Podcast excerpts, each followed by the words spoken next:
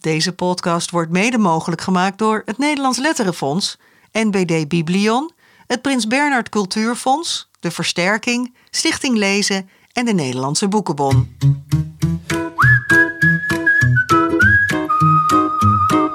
Dit is al de vierde lezing die we ons bestaan als podcast uh, aanbieden, Bas.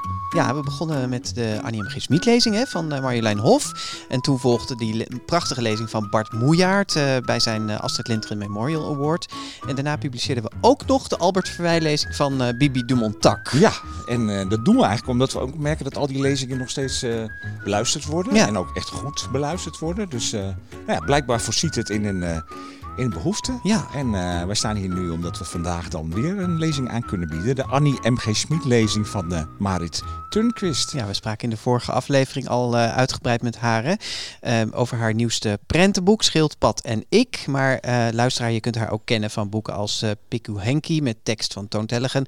Jij bent de liefste, dat hele beroemde poëzieprentenboek hè, van ja. Hans-Monique Hagen. Ja. En haar prentenboek van de Kinderboekenweek. In 2014 heeft ze dat mogen doen. Fabians Feest heette ja. dat. Ja, dus een bekende naam in het Nederlands kinderboekenlandschap. En uh, nou ja, we staan hier nu in de grote zaal van het Kinderboekenmuseum in Den Haag, waar het nog hartstikke leeg is. Ja. Waar, waar Marit zo meteen haar lezing gaat uitspreken. En waar gelukkig, het is uitverkocht hè. Ja. Dus waar gewoon een volle zaal zit. Heel snel ook al. Ja, en ja. na twee jaar, hè, we hebben ook twee jaar deze lezing niet aangeboden. Want twee jaar geleden ging die niet door. En vorig jaar heeft Koos Meijners hem online moeten uitspreken. Maar hij is er weer gelukkig. Ja. En uh, nou, voor deze lezing wordt elk jaar een kinderboekenmaker gevraagd zijn of haar visie te geven op de staat van de jeugdliteratuur. Klinkt heel deftig, ja, hè? Ja, maar ja, dat is volgens mij wel echt de opdracht die ze ja, krijgen. Een soort persoonlijk verhaal Geef over... je visie op de Ja, ja, staat precies, van de ja. jeugdliteratuur. Ja. Nou ja, die, die gelukkig kan zo'n opdracht dan wel steeds heel verschillend worden ingevuld. Want sinds 2000, sinds deze lezing bestaat, eh, nou, is dat op heel veel verschillende manieren gedaan. eh, door onder andere Joke van Leeuwen, Imme Dros, Paul Biegel, Ted van Lieshout. Ja, en die lezing die wordt. Eh, georganiseerd door IBI Nederland in samenwerking met dus het Kinderboekenmuseum waar we nu zijn. En financieel eh, mogelijk gemaakt door Stichting Lezen het Nederlands Letterenfonds. En wat leuk is, is op de website van IBI Nederland, dat is ibi-nederland.nl, daar kun je alle lezingen sinds 2000 ook terugvinden. Dus de teksten daarvan Oh, Oké, ook. ja, dat is een leuk klusje. zijn Ja. een stuk of twintig. Ja. Nou ja, dan is het nu tijd om, om te gaan luisteren. Nou ja, Is- we is moeten het publiek nog, nee, we moeten nog even wachten. Maar in deze podcast is het inmiddels al wel zover. Hè? Ja. Dan gaan we luisteren naar eh Marit Turnquist. Zij, eh, we weten dat haar lezingen heet Waar ligt de grens? Met een vraagteken erachter. En eh, dat het een persoonlijk verhaal wordt over het belang van diversiteit en inclusie. En wat dit betekent voor kinderboekenmakers. Ik ben benieuwd. Ik ook. Marit Turnquist. Het is februari 2022. De oorlog tussen Rusland en Oekraïne is nog niet begonnen. De stroom mensen daar vandaan die alles verloren hebben, is nog niet onderweg. Terwijl ik deze lezing schrijf, zit ik in mijn huisje diep in het bos in Zweden. Zweden is mijn vaderland. Het is ijskoud buiten en het sneeuwt. Ik heb al in geen week iemand gezien hier. Maar vandaag kwam er een groep jagers in grote zwarte pick-up trucks aanrijden. Ze zijn vanochtend in hun legergroene jassen met honden en geweren het bos ingegaan. Ik zag een op hol geslagen wild zwijn over de weg rennen, met een hond daarachter die naar zijn hielen hapte. Nu zitten de jagers met z'n allen tussen hun grote auto's bij een vuur, vlak buiten mijn hek. Ik realiseer me dat ik bang ben voor deze mannen, van wie ik er een aantal herken. Niet voor hun geweren, maar voor hun opvattingen, die sinds de vluchtelingenstroom van 2015 steeds krachtiger te horen is in het dorp. Dit zijn de mannen van Zweden voor de Zweden. Vanmorgen hoorde ik op de radio dat Zweden actief een klopjacht wil openen op illegale uitgeprocedeerden die in dit land verblijven. Illegalen vormen een gevaar en moeten daarom zo snel mogelijk naar hun thuislanden worden teruggestuurd. Ik denk terug aan een paar jaar geleden. In dit huis hielden zich een aantal illegale jongens schuil die door verkeerde beoordelingen van de Zweedse immigratiedienst dreigden te worden uitgezet naar Afghanistan, waar vandaan ze waren gevlucht. Hun gruwelijke asielverhalen werden keer op keer niet geloofd. Ik had hun zaken bestudeerd en begreep dat ze een uitzetting niet zouden overleven. Honderden uren hebben ze me over hun levens en hun land verteld. Het was alsof ik met één voet in hun oorlog stond en met de andere in het Zweedse bos. De bedreigingen van de Taliban bereikten een van de jongens zelfs hier, via Messenger. Pling! We zijn je niet vergeten, we wachten op je en we onthoofden je als je terugkeert. Hij was zo onbeschrijfelijk bang, alsof de Taliban op motorfietsen met hun zwarte baarden en wapperende vlaggen hier zo het weggetje tussen de Zweedse rode huisjes op konden rijden. De jongens zijn uiteindelijk allemaal weggevlucht uit Zweden. Ze belanden om de beurt onder een brug in Parijs, waar vandaan ze stap voor stap nieuwe procedures opstarten. Ik mis ze hier. Ze waren een deel van mijn leven geworden. Ik mis hun muziek en het dansen in de zitkamer als ze alle meubels opzij hadden gezet. Ik mis hun platte, gevulde bolani-broodjes met groene peper en lenteuitjes.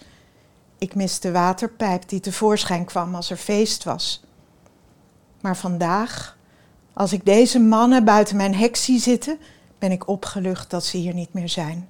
Dat hun zwarte haar niet meer oplicht tegen de witte sneeuw als ze hout halen uit de schuur om de tegelkachels aan te maken. Dat ik geen vragen krijg over wat die donkere jongens hier in het Zweedse bos te zoeken hebben.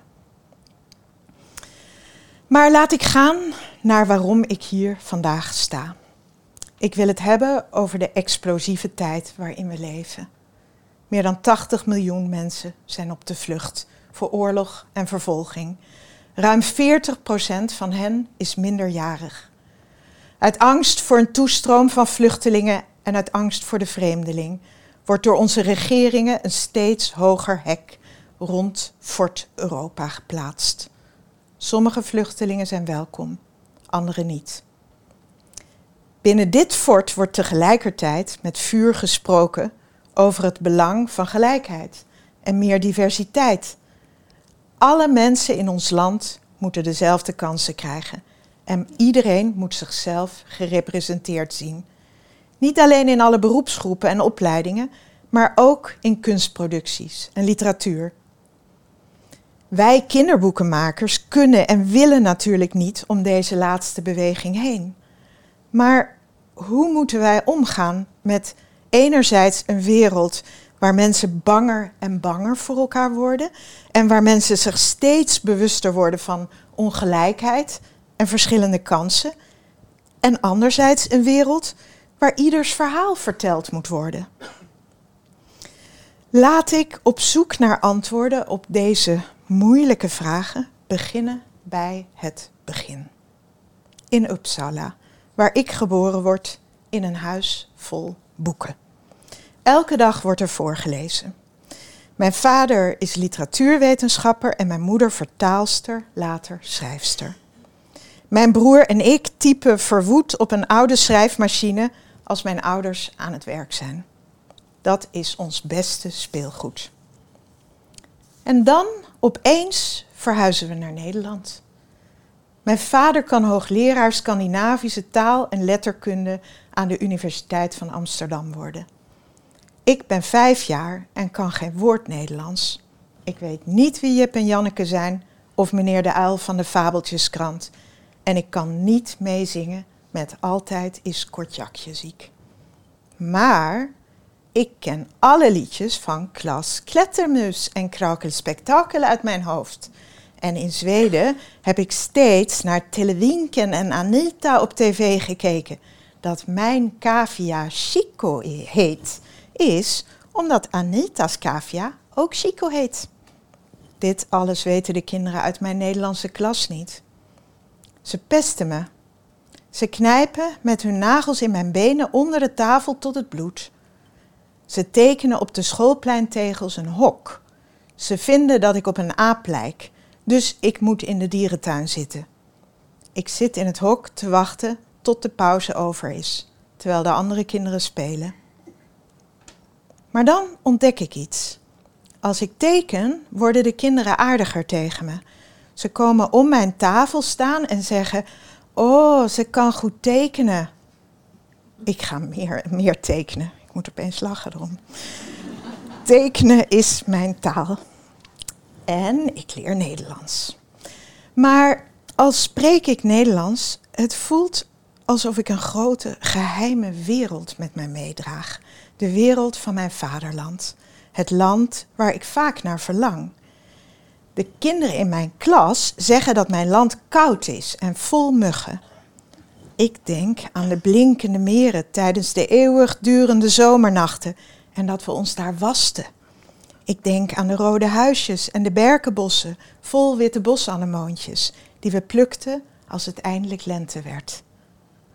En dan zijn er opeens de boeken van Astrid Lindgren.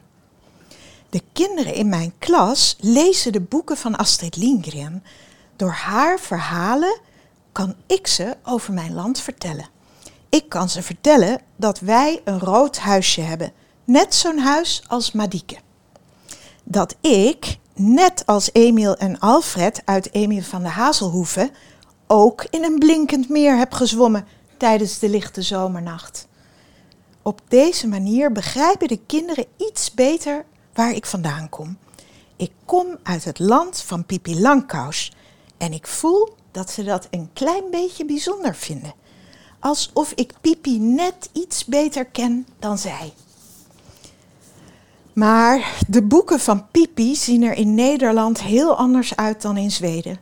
Ze zijn geïllustreerd door Carl Hollander. Pipi is geen Zweeds meisje in een oud Zweeds houten huis met een scheve veranda, zoals je die overal in Zweden ziet.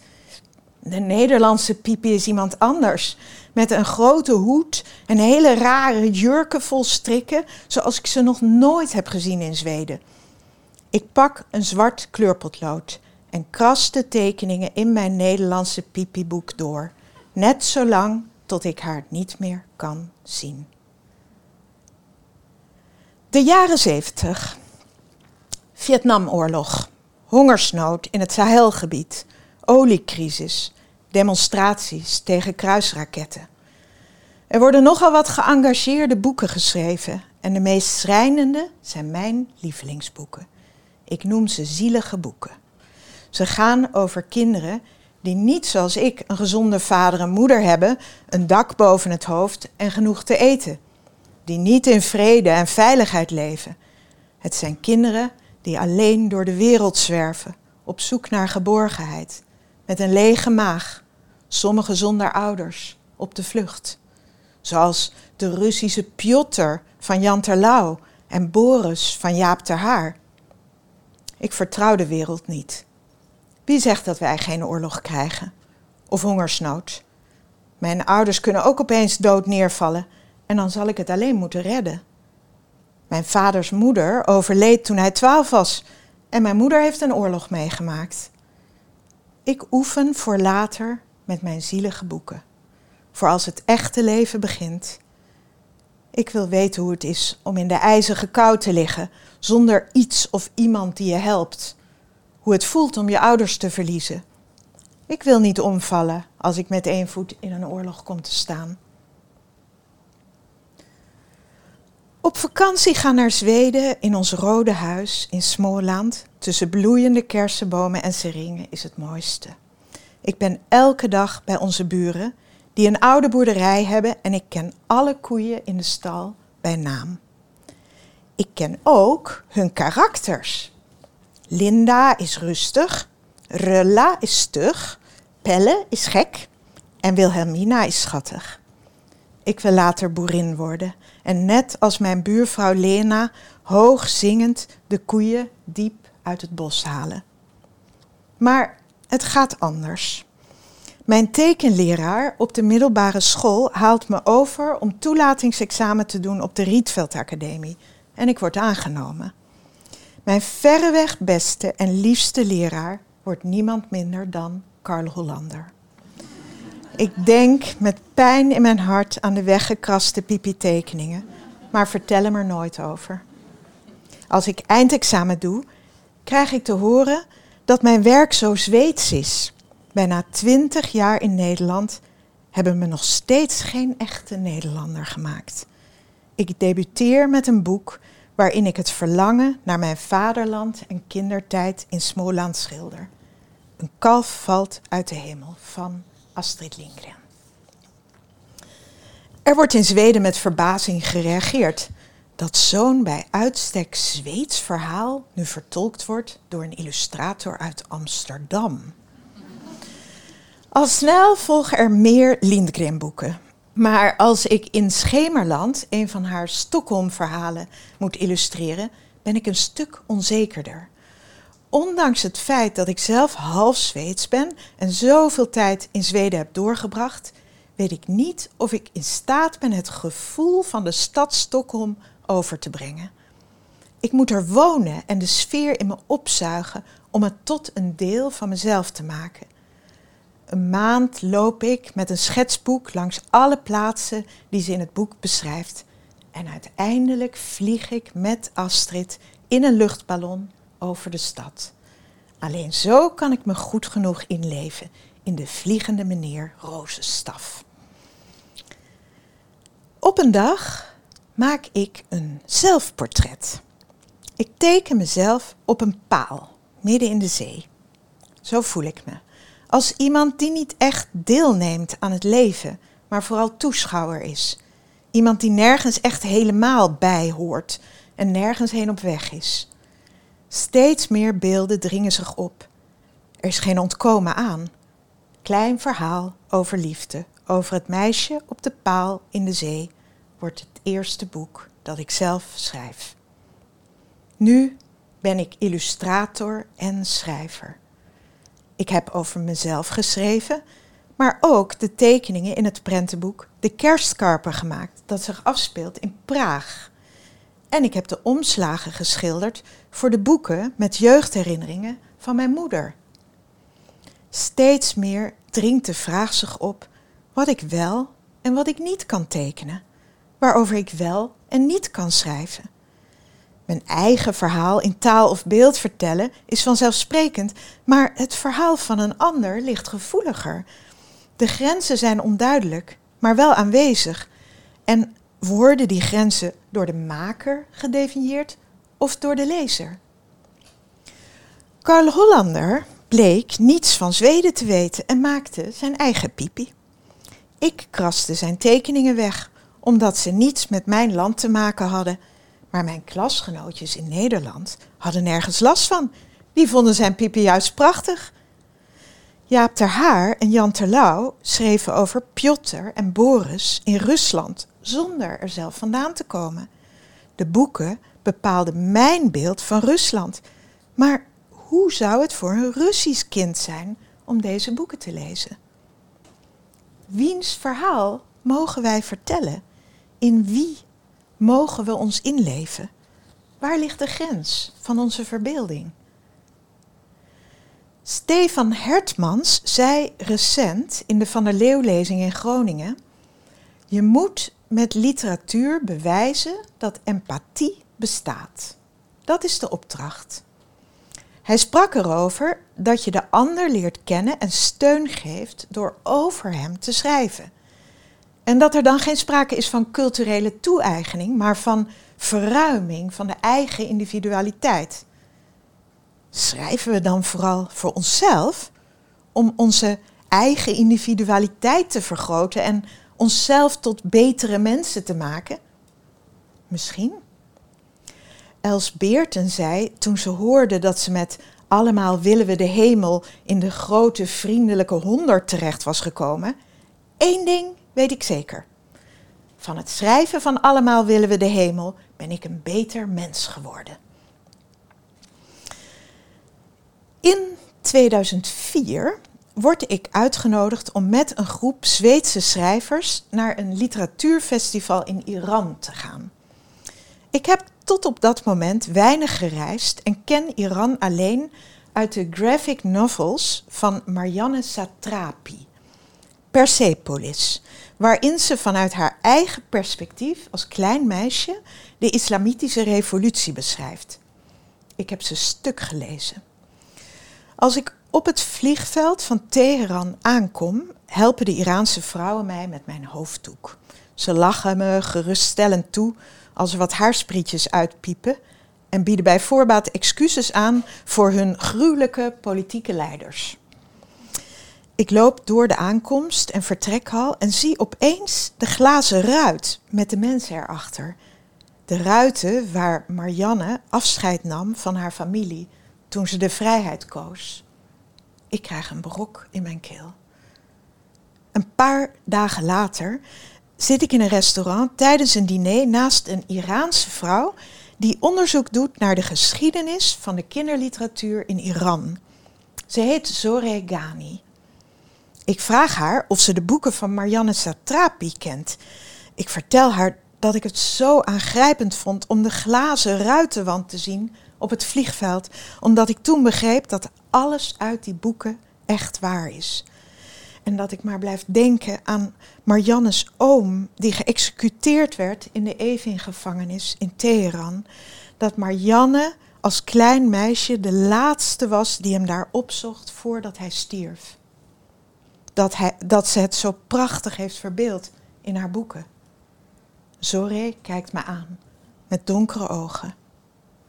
Marianne's oom werd tegelijkertijd met mijn man geëxecuteerd.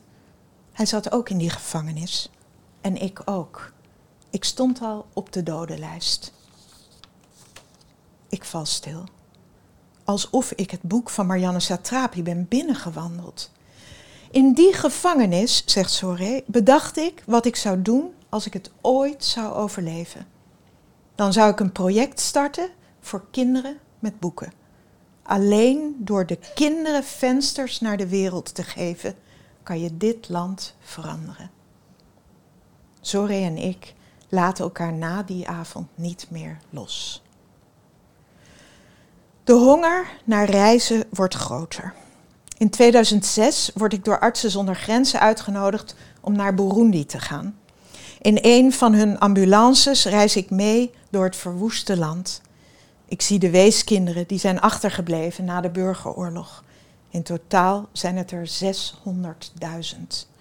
Ik schrijf en teken over mijn reis in het boek Bellenblazen in Burundi, waarin ik probeer zo eerlijk mogelijk verslag te doen van mijn ontmoeting met dit alles. Al oefende ik nog zo hard met mijn zielige boeken, ik voel me nog steeds een kind dat niet gewend is aan de ongelijkheid in deze wereld. Hadden mijn ouders mij beter kunnen voorbereiden?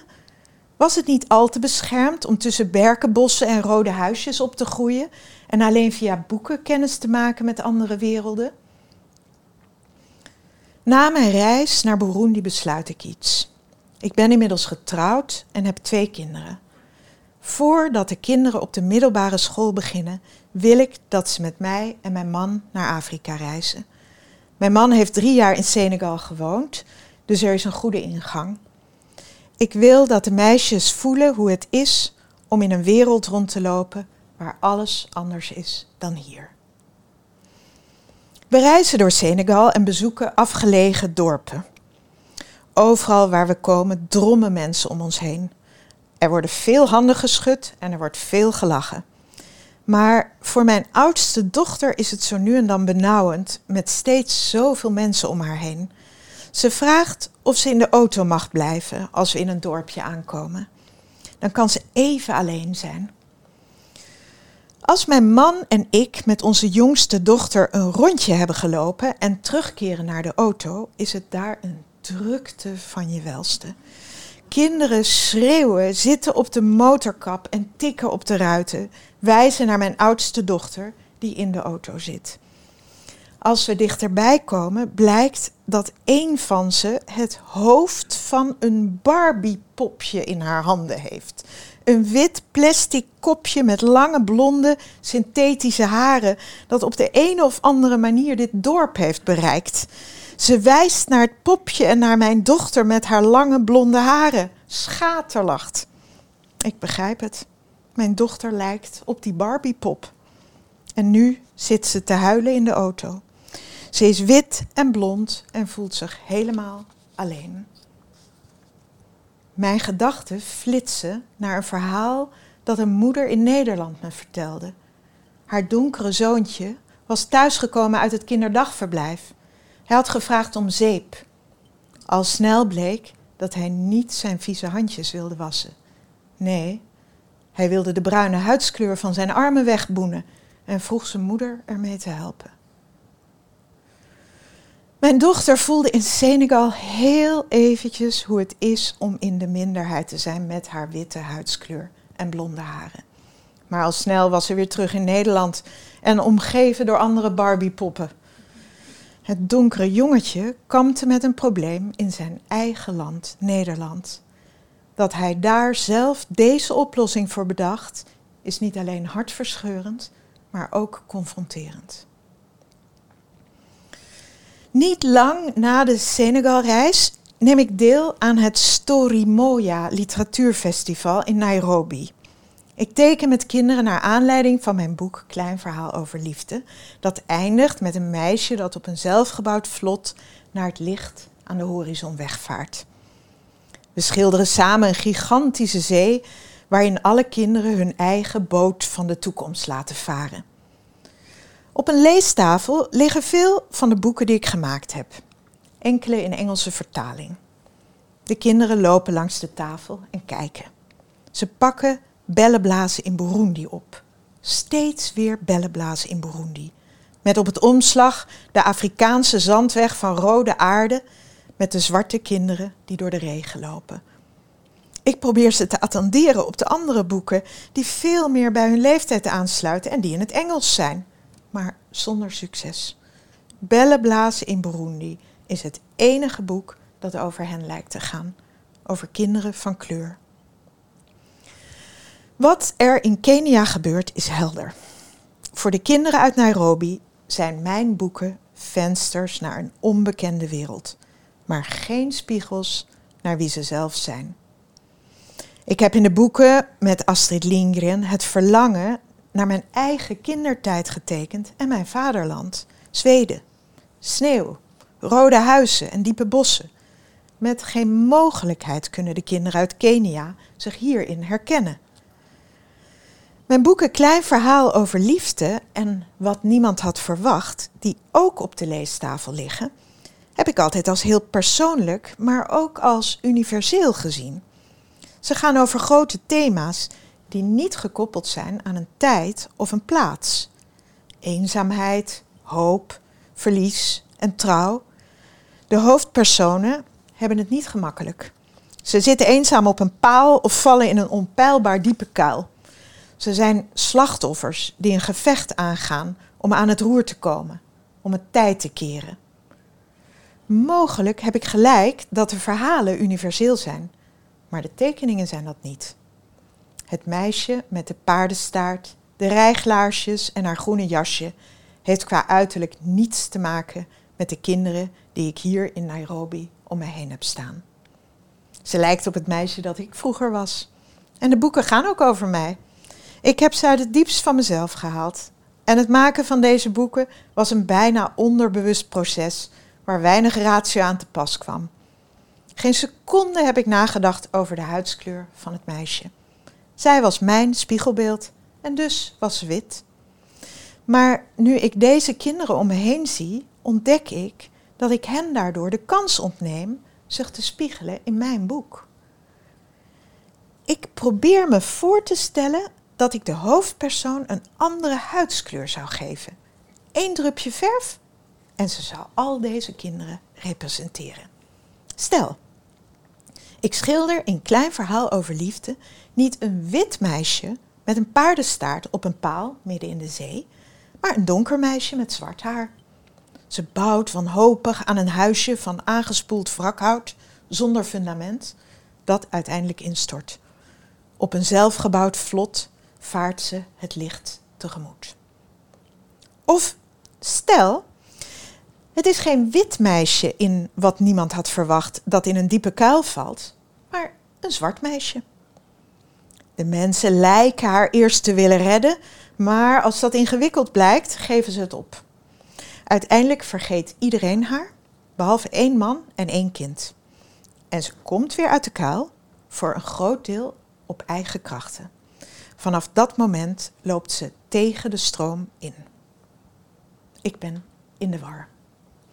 Mijn boeken zouden door één druppeltje verf veranderen in politieke verhalen. Over de eenzaamheid van een meisje van kleur dat zo haar best doet contact te maken en een leven op te bouwen, maar uiteindelijk het ongewisse tegemoet gaat op een vlot van wrakhout op zoek naar geluk. En over de witte mensenmassa die het donkere meisje in een kuil laat zitten, zonder zich echt wezenlijk in haar lot te willen verdiepen.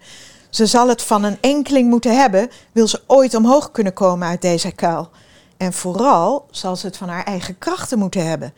Een kind dat nog geen idee heeft van kleurverschil en haar als gelijke ziet, zal een deel van de redding blijken. Het is een pijnlijke ontdekking. Een ontdekking die mij duidelijk maakt dat de grenzen tussen zwart en wit nog lang niet vervaagd zijn. De kleur van mijn hoofdpersoon veranderen kan niet zonder dat het consequenties heeft. Mijn verhalen zouden dan gaan over het gruwelijke lot dat veel mensen van kleur nog steeds treft. Het zouden andere boeken zijn. Belangrijker boeken? Misschien wel. Maar er rijzen nog meer vragen. Komt het doordat ik me zo bewust ben van de ongelijkheid tussen witte en zwarte mensen, dat ik de boeken als politieke verhalen zou zien als ik de kleur van de hoofdpersoon veranderde?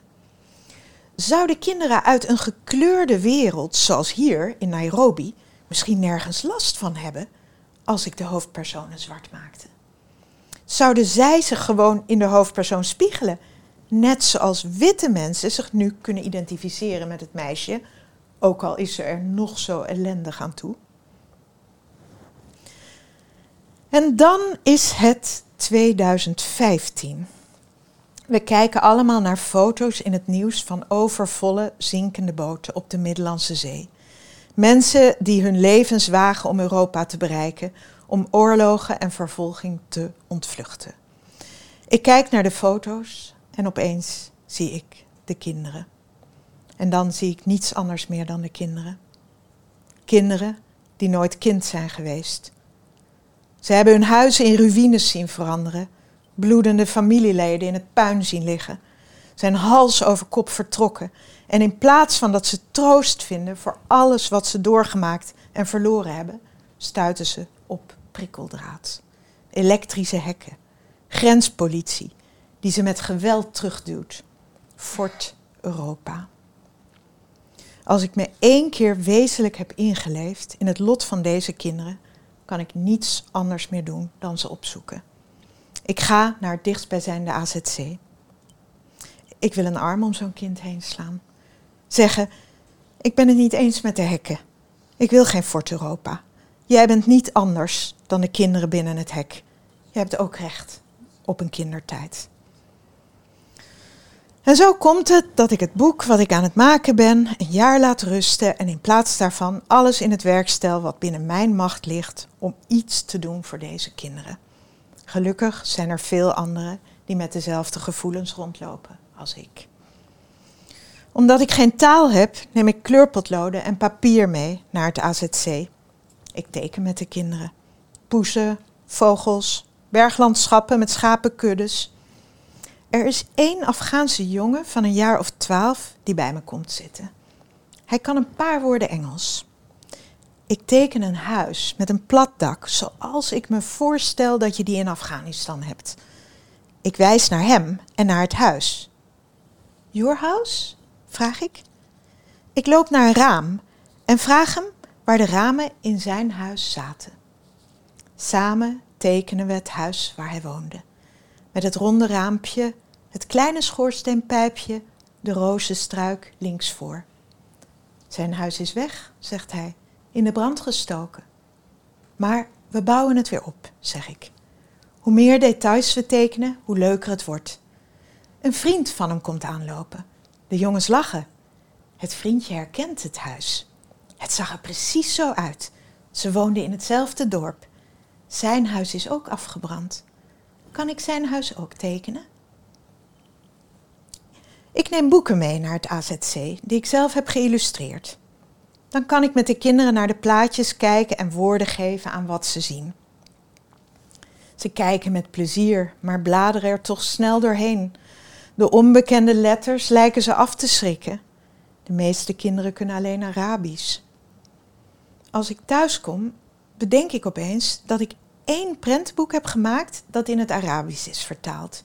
De Rode Vogel van Astrid Lindgren. Over Matthias en Anna, die als weeskinderen bij de boer in Muzra komen en daar als slaven moeten werken. Kinderen die nooit kind geweest zijn, die alleen koude aardappelen te eten krijgen en op school worden geslagen. Maar als ze alle hoop op een beter bestaan hebben opgegeven en Anna dood wil, zien ze opeens een rode vogel in het besneeuwde bos die hen naar een paradijselijke plek brengt. Hier wacht een moeder met pannenkoeken en is het eeuwig lente. Hier krijgen Matthias en Anna alles waar ze zo naar verlangd hebben. Ze mogen weer kind zijn. Als ik de volgende dag naar het AZC rijd, neem ik het Arabische boek mee en leg het midden op de tafel. Wat er dan gebeurt is ongelooflijk. Mensen duiken letterlijk op het boek, pakken het en beginnen hardop te lezen. Ze lachen en trekken het uit elkaars handen. Vooral de vrouwen, met wie ik eerder nog niet praatte, wijzen naar het boek en naar zichzelf. Zij willen dit boek hebben. Ik heb maar één exemplaar, leg ik uit, dus ik kan het niet achterlaten. Maar als ik weer thuis ben, mail ik naar mijn Zweedse uitgever en naar de familie van Astrid Lindgren. Opeens is het helder voor me.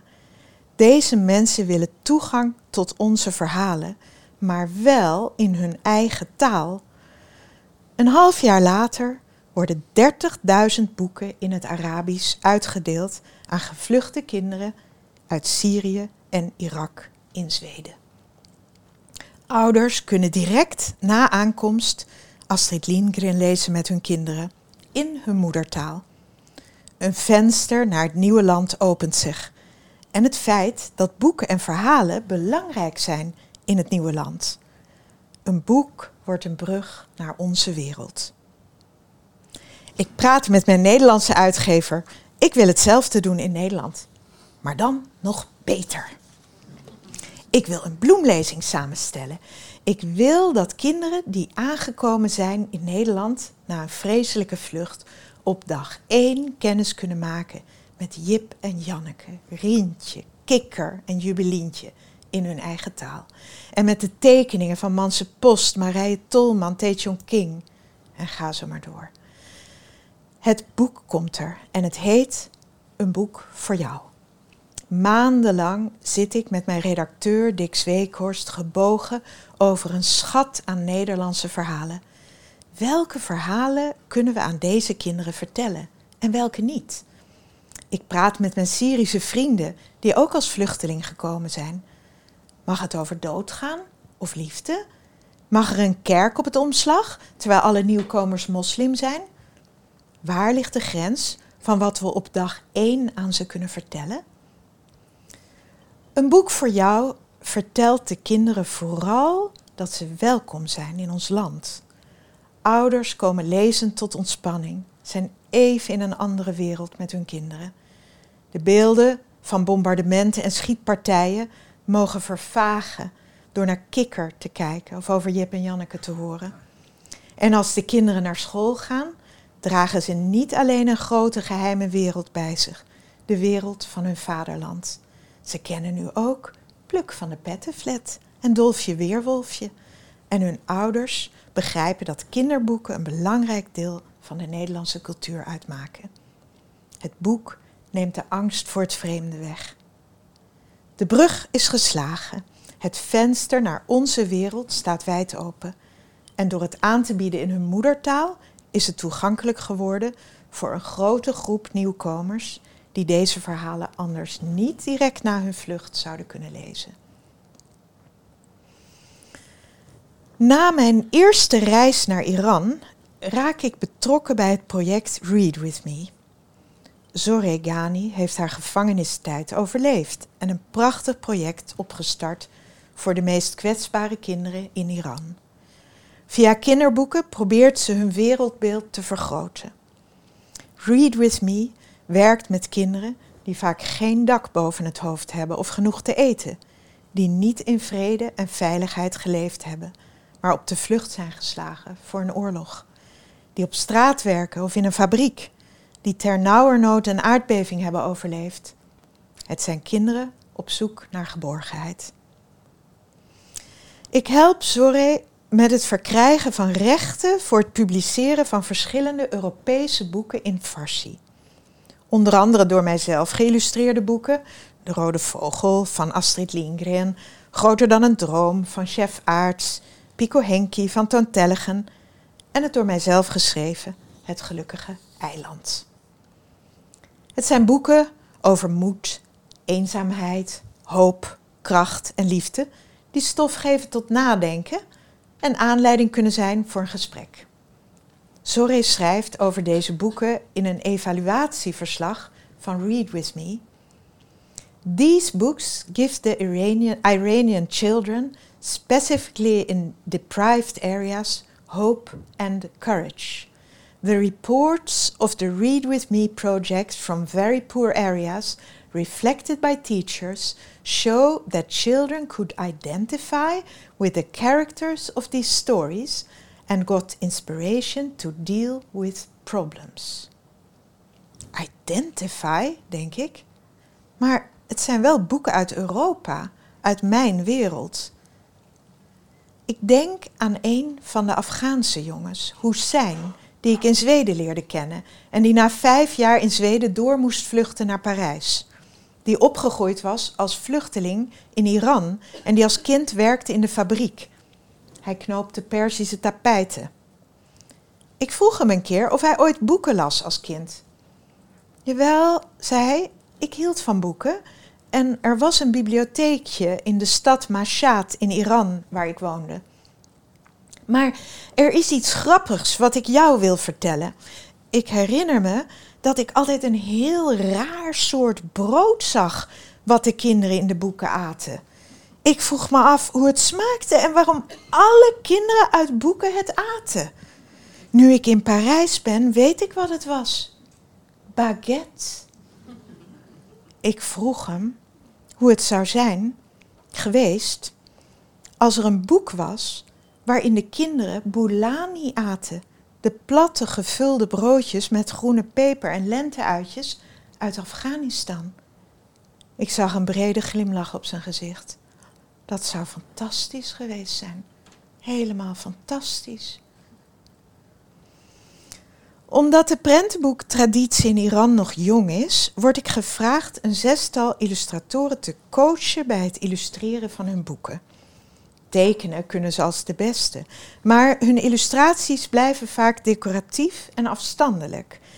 Iran heeft een oude traditie van geïllustreerde literaire verhalen maar prentenboeken zijn enkele decennia geleden pas naar Iran gekomen vanuit het Westen. Op de kunstopleidingen bestaan er geen lessen die gericht zijn op het maken van prentenboeken. Daarom heeft Zoregani mij hiervoor gevraagd. Eindeloos praat ik met de Iraanse illustratoren over hoe je een verhaal aan een kind vertelt. Over hoe je gevoel tekent en stemmingen overbrengt hoe je het verhaal met je tekeningen versterkt en het kind meeneemt. Ze schilderen de scheve trappen met op elke tree een plant, de grote veranda's en de granaatappelboom. De huisjes met de platte daken in de bergen, de gesluierde vrouwen bij de marktstalletjes in de dorpen. Ik word keer op keer verrast door bijzondere details die voor ons zo exotisch en voor hen zo vanzelfsprekend zijn. Een aantal van deze Iraanse boeken, geschreven door Hadi Mohammadi, verschijnt in Nederland. Het meisje en haar zeven paarden met tekeningen van Nushin Savagou. Granaatappelmeisje met tekeningen van Neda Rastin Mecher. Het zijn verhalen uit een andere wereld. Zullen Iraanse kinderen hetzelfde voelen als ik toen ik klein was met de boeken van Astrid Lindgren? Zullen ze via deze verhalen een beetje kunnen vertellen aan hun klasgenoten over het land van hun ouders of grootouders, over de grote geheime wereld die ze met zich meedragen. De opmerking van Hussein over de baguette laat me niet los. Het bewijst dat zoveel werelden niet gerepresenteerd zijn in het kinderboek. De vraag is alleen wie het gevulde Bolani-broodje gaat tekenen. Moet dat niet iemand zijn die zelf met Bolani-broodjes is opgegroeid, bij wie het water in de mond loopt als hij eraan denkt? Willen mijn Afghaanse of Syrische vrienden misschien zelf wel boeken maken? Hussein was in aanraking gekomen met kinderboeken omdat hij naar Iran was gevlucht uit Afghanistan. Maar geen enkele van mijn andere Afghaanse vrienden heeft ooit een kinderboek gelezen. Voor mijn Syrische vrienden maakten ze ook geen wezenlijk deel van uit van hun levens. Ik, die in Uppsala opgroeide in een huis vol boeken en elke dag werd voorgelezen, kan me een kindertijd zonder boeken amper voorstellen. Boeken waren voor mij als eten en drinken. Wij moesten overleven, zegt een van de Afghaanse jongens. En wij moesten in de toekomst ons land gaan opbouwen. Arts worden of ingenieur. Er was oorlog. Kinder, kinderboeken redden geen levens. We moesten geld verdienen. Dat doe je niet met kinderboeken maken. Nog steeds moeten we geld verdienen nu we gevlucht zijn. We moeten onze families die achterbleven helpen om te overleven. Zonder uitzondering zijn ze het er wel over eens dat het geweldig zou zijn als er kinderboeken zouden bestaan die gingen over Afghaanse en Syrische kinderen. Over de platte daken waarop ze naar de sterren lagen te kijken, de bergen met de schaapherders, de kamers met de tapijten en de kussens waar ze om de warme kachel thee zaten te drinken. Maar wie moet de kinderboeken over jullie land dan wel maken? Wie moet ze schrijven? Wie moet ze illustreren? vraag ik ze. Het antwoord daarop verrast me. Al mijn Syrische en Afghaanse vrienden vinden, sommigen wel na lichte aarzeling, dat mensen uit Europa die boeken misschien toch het beste kunnen maken. Mensen uit Europa hebben ervaring met kinderboeken, zij niet. Maar natuurlijk kunnen ze helpen.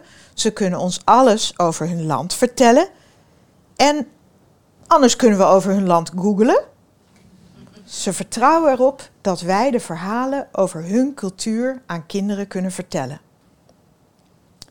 Hun antwoord roept veel verwarring bij me op. Blij ben ik omdat mijn Afghaanse en Syrische vrienden hun land en hun cultuur aan ons toevertrouwen. Ze zien het niet als culturele toe-eigening. Ze denken dat wij misschien nog wel beter dan zijzelf hun verhalen voor kinderen kunnen optekenen. Omdat wij een kinderboekentraditie hebben die hen vreemd is. Maar dat googelen? Ik denk terug aan de keer dat ik in Schemerland van Astrid Lindgren moest illustreren wat zich in Stockholm afspeelt. Ik voelde me toen heel onzeker, omdat ik nooit in Stockholm had gewoond en de stad niet als een deel van mij voelde. Een Afghaans huis of landschap kan ik zeker tekenen, maar een kinderboek maken is wel iets meer dan dat. Ik deel mijn verwarring rond dit alles met Zoré uit Iran. Ze vertelt dat ze jarenlang onderzoek heeft gedaan in de Internationale Jeugdbibliotheek van München naar prentenboeken die gemaakt waren door schrijvers en tekenaars uit Duitsland, maar die niet over hun eigen cultuur gingen. Hoe mooi de tekeningen en teksten ook waren, zonder uitzondering stuitten ze op clichés en stereotypen als het om de inhoud ging. De schrijvers en tekenaars konden niet diep genoeg doordringen in de voor hen vreemde cultuur. Daardoor overtuigden deze boeken haar niet.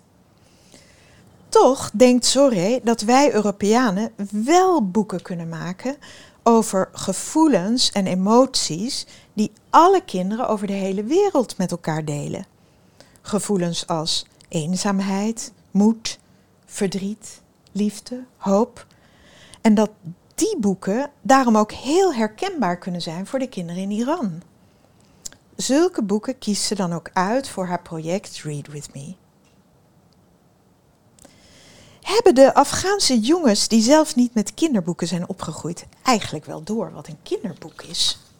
En leggen ze de link wel naar alle verhalen en de prachtige taal die ze zelf bij zich dragen? Met een van de jongens, Sajid, die 5000 kilometer uit Afghanistan naar België is komen lopen en die de tocht ter nauwernood heeft overleefd, praat ik lang. Hij is nog maar 17 en worstelt met alles wat hij heeft meegemaakt. Ooit wil hij over zijn land en zijn leven gaan schrijven, maar nu nog niet. Hij is te ongeconcentreerd en het terugblikken is nog te pijnlijk. Maar hij denkt dat het een goed boek kan worden. En minder boring dan de boeken die hij tot nu toe in België heeft gelezen. Ik vertel hem dat een boek volgens mij iets is dat net als andere kunst uit noodzaak ontstaat, omdat het verhaal zich opdringt en er geen ontkomen aan is. En ik vermoed dat hij die noodzaak voelt. Of ik wil of niet, de verhalen die ik maak gaan altijd indirect of direct over mezelf. Ze weerspiegelen mijn manier van naar de wereld kijken, vroeger als kind en nu als volwassene. Ik haal ze uit mijn tenen en het maakproces is ten dele onderbewust. Mijn boeken zijn een spiegel van wat ik heb meegemaakt en gevoeld. Soms vergelijk ik mezelf met een verzamelaar. Ik verzamel beelden, ervaringen, gevoelens, gebeurtenissen en uit die voorraad put ik als ik een boek maak. Een beetje zoals wanneer je droomt en er beelden uit verschillende periodes van je leven langskomen. Zelfs de verhalen die ik illustreer hebben altijd overlap met wie ik ben. Ze raken me om de een of andere reden in mijn hart. Soms weet ik niet eens waarom. Maar dat geraakt worden is voor mij een voorwaarde om een boek te kunnen illustreren. De grens tussen hoe je leeft en hoe je boeken maakt lijkt eigenlijk heel vaag.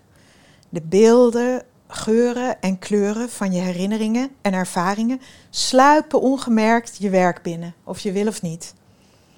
Je kan verhalen en beelden niet opgedrongen krijgen. Ze groeien en rijpen tot ze een deel geworden zijn van wie je bent. Tot je ze kan dromen. Dan zijn ze klaar voor gebruik.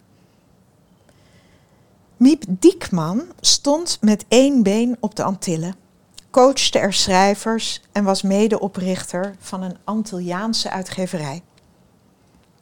De Antillianen waren zo'n groot deel van haar leven geworden en van haarzelf, dat ze als vanzelfsprekend haar boeken inwandelde.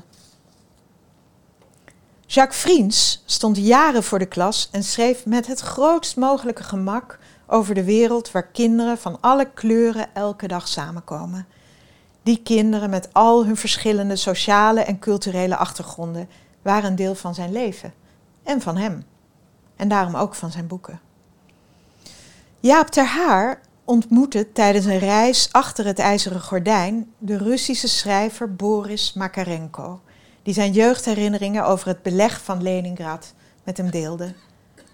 Hij nam hem mee naar de begraafplaats waar 700.000 mannen, vrouwen en kinderen begraven lagen. Boris had het beleg overleefd, maar zijn vriendin Natja niet. Hij deelde zijn verhaal met Jaap ter Haar, die zich al jaren verdiept had in de Russische geschiedenis. Die geschiedenis was een deel van hem geworden. Ik denk aan de afgelopen jaren. De jongens, met hun zwarte haren en donkere ogen, die zich schuilhielden in ons rode huisje, werden een deel van mijn leven. Ze lagen op mijn bank in de zitkamer, met hun hoofd onder de deken te slapen, en vertelden me hun dromen als ze wakker werden. Hun muziek schalde door het huis en het rook naar kaboli pilau en bolani broodjes. De verhalen over de moeders in blauwe boerkaas de vreemdeling die altijd welkom was in de gastenkamer, de maaltijden op de binnenplaatsen. Het diepe verlangen naar de plek waar ze waren opgegroeid. Maar ik zou nooit een boek kunnen maken over hun verloren land en leven. Het voelt alsof ik over een grens zou gaan. Hun wereld achter de huisjes met platte daken en schapenherders op de bergen is voor mij niet te vangen. Hij is fascinerend, maar ondoorgrondelijk. Elke dag begrijp ik beter dat de herinnering aan hun geboorteland net zo specifiek zijn als mijn herinneringen aan mijn vaderland. Het gezang van mijn Smoorlandse buurvrouw Lena als ze de koeien diep uit het bos haalde. Het licht tijdens de midzomernacht als je met een zeepje in het water sprong om je te wassen. Het eerste boeketje bosanemonen waar, waar je mee thuis kwam als teken van de lente die in aantocht was. Wie zou mijn herinneringen aan Zweden kunnen vangen, anders dan ikzelf? In april verscheen een boek dat ik de afgelopen jaren maakte. Schildpad en ik. Het is een raamvertelling. Een opa neemt een piepklein schildpadje voor zijn kleinzoon mee uit zijn geboorteland, niet wetende dat de schildpad meer dan 100 jaar kan worden en dat hij gaat groeien en groeien. Eerst is kleinzoon er zielsgelukkig mee. Hij heeft een vriend voor het leven, maar schildpad, schildpad wordt meer en meer een blok aan het been. Kleinzoon ziet in dat hij van schildpad af moet en hem terug moet brengen naar het geboorteland van opa, waar hij zelf nog nooit is geweest. Daar hoort schildpad thuis. Maar teruggaan naar het geboorteland en het wegbrengen van zijn beste vriend blijkt een stuk ingewikkelder dan gedacht. Het boek gaat over vriendschap, identiteit, trouw zijn aan jezelf en over je oorsprong. Misschien gaat het over mijn eeuwige zoektocht naar het land waar ik thuis hoor en naar wie ik ben. Ik heb mezelf getekend op het schoolplein in het hok dat de kinderen tekenden met krijt. Ik mocht niet meedoen met spelen omdat ik in de dierentuin hoorde. Maar ben ik het wel? Het kind op mijn tekening is een jongetje met zwarte haren en donkere ogen. En wie is die oom in het verre land die iedereen welkom heet en die in de schaduw een waterpijp zit te roken? En de man die zijn vrouw terugbrengt naar haar geboorteland omdat ze daar wil sterven? Gaat mijn verhaal toch ook over de gevluchte jongens die zo ongemerkt in mijn leven kwamen? Zijn hun verhalen stiekem net zo ongemerkt mijn boek ingewandeld? Is mijn zoektocht naar de plaats waar je je thuis voelt en naar wie je bent net zo goed hun zoektocht? Is de grens tussen ons vervaagd? Ik eindig in Iran, bij de grens met Irak. Het is 2018. Een aardbeving heeft het gebied hier met de grond gelijk gemaakt. De stad Sarpol Ezahab is veranderd in een ruïne. 60 kinderen hebben hier hun beide ouders verloren. Iedereen woont in tenten of containers op een modderige zandvlakte. Ik reis erheen met Soregani van Read With Me. Read With Me heeft inmiddels bijna 100 bibliotheekjes in uithoeken van het hele land geopend en bereikt nu meer dan 400.000 kinderen. Ook hier hebben ze tussen de tenten in de modder een containerbibliotheek neergezet. In de bibliotheek wacht Mohammed met limonade en koekjes, kleurpotloden, papier en boeken. Heel veel boeken. Veel van de kinderen gaan hier elke dag naartoe. Mohammed houdt lijstjes bij voor elk kind welke boeken ze al hebben geleend en welke boeken ze misschien nog willen lezen. Vandaag is het helemaal vol in de bibliotheek. Kinderen zitten dicht tegen elkaar aan, anderen kijken door de ramen naar binnen. In het midden van de ruimte staat een beamer. Ik ga in deze, verhaal, eh, in deze bibliotheek het verhaal vertellen over het gelukkige eiland. Het verhaal van een zoektocht over een grenzeloze zee, een zoektocht naar geluk. Maar voordat ik begin, fluistert Zore me iets in. De kinderen weten misschien niet wat de zee is. Niemand heeft ooit een zee gezien. die is wel duizend kilometer hier vandaan. Kan je eerst even aan ze vertellen wat de zee is? Weten ze dan ook niet wat een eiland is? fluister ik terug. Uh, nee, dat moet je ze ook nog even uitleggen. Ik begin. We praten over de eindeloos grote vlakte met water. Niets anders dan water, pijloos diep. Dat je er kan varen met een boot die drijft en dat er grote vissen zijn.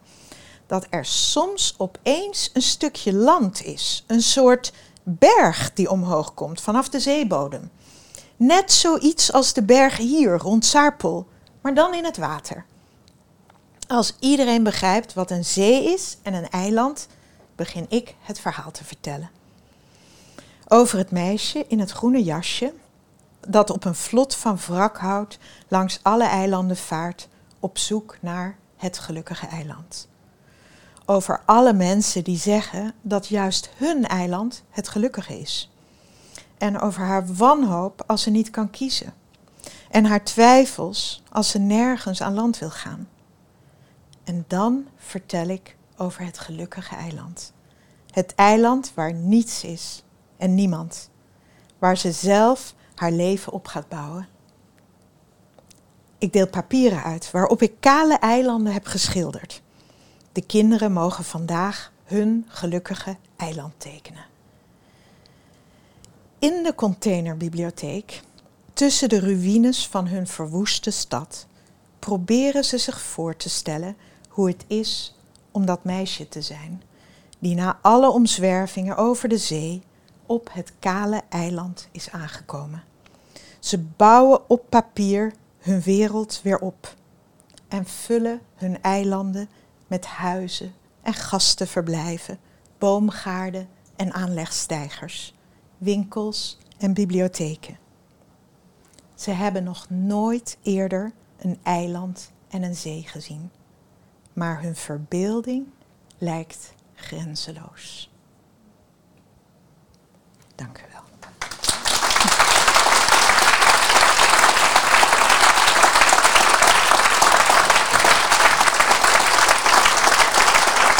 Dat was uh, Marit Turnquist met haar Annie M. G. Schmid lezing Waar ligt de grens?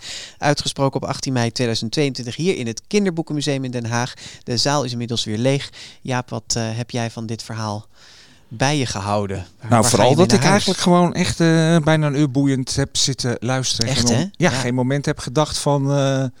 Is, is dit ook een keer afgelopen? Ja, wat ik wel eens bij een lezing heb. Zeg, nee, weet je, het, het, ik vond het heel ja, onderhoudend, maar dat klinkt eigenlijk een beetje flauw, maar vooral uh, boeiend, omdat het, omdat Marit, als ik het kort probeer samen te vatten, aan de hand van eigenlijk haar persoonlijke verhaal, haar ontmoetingen, haar reizen door de wereld, haar ervaringen, allerlei vragen heeft opgeworpen, zonder misschien ook hele uh, duidelijke conclusies te stellen. Ja, dat vond ik er echt heel knap aan. Ja, dat het niet ja. klip en klare antwoorden geeft, maar eigenlijk de complexiteit van het onderwerp laat zien. Uh, ja, het, is, uh, het zet je heel erg aan het denken. En ik had ook steeds dat ik dacht, oh, nu gaat het die kant op. Oh nee, er is weer een nuance. Nou gaat het die kant weer op. Weet je, dus dat die, elke keer word je weer...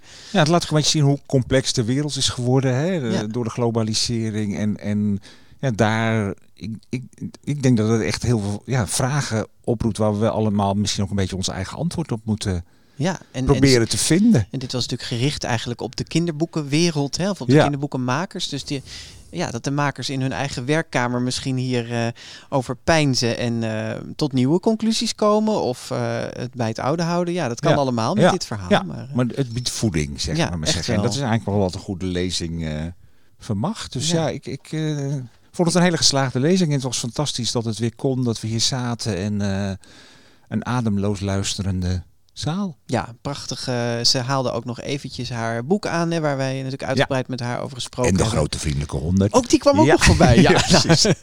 dat was helemaal mooi. Goed, uh, we gaan hiervan nagenieten. Het is ook altijd moeilijk om zo vers na zo'n lezing... Nee, maar ik denk dat we best wel eh, even gezegd hebben hoe, hoe, hoe het voelt. En wij moeten het misschien ook nog een keer terug luisteren. Wij gaan dit ook allemaal verwerken. En, ja. Nou ja, ik hoop in ieder geval dat iedereen genoten heeft van deze lezing. En dat het zijn weg vindt. Als je de andere lezingen, die andere drie lezingen op ons kanaal nog eens op wil zoeken, dan zullen we die link in de show notes. Dus dan kun je ze daar vinden op onze website, hè, de grotevriendelijkepodcast.nl. Mark Brouwer heeft hier de hele avond heel stilletjes in een hoekje gestaan om het allemaal keurig op te nemen. Heel goed gedaan, voor onze dank. Ook dank aan het Kinderboekenmuseum en EBI Nederland voor de samenwerking. En natuurlijk Marit Turnquist zelf. Hè? Zeker. En aan jou luisteraar dat je nou, weer naar ons hebt geluisterd. En wij zijn er heel snel alweer, Bas, met een grote vriendelijke update. Tot dan. Tot dan.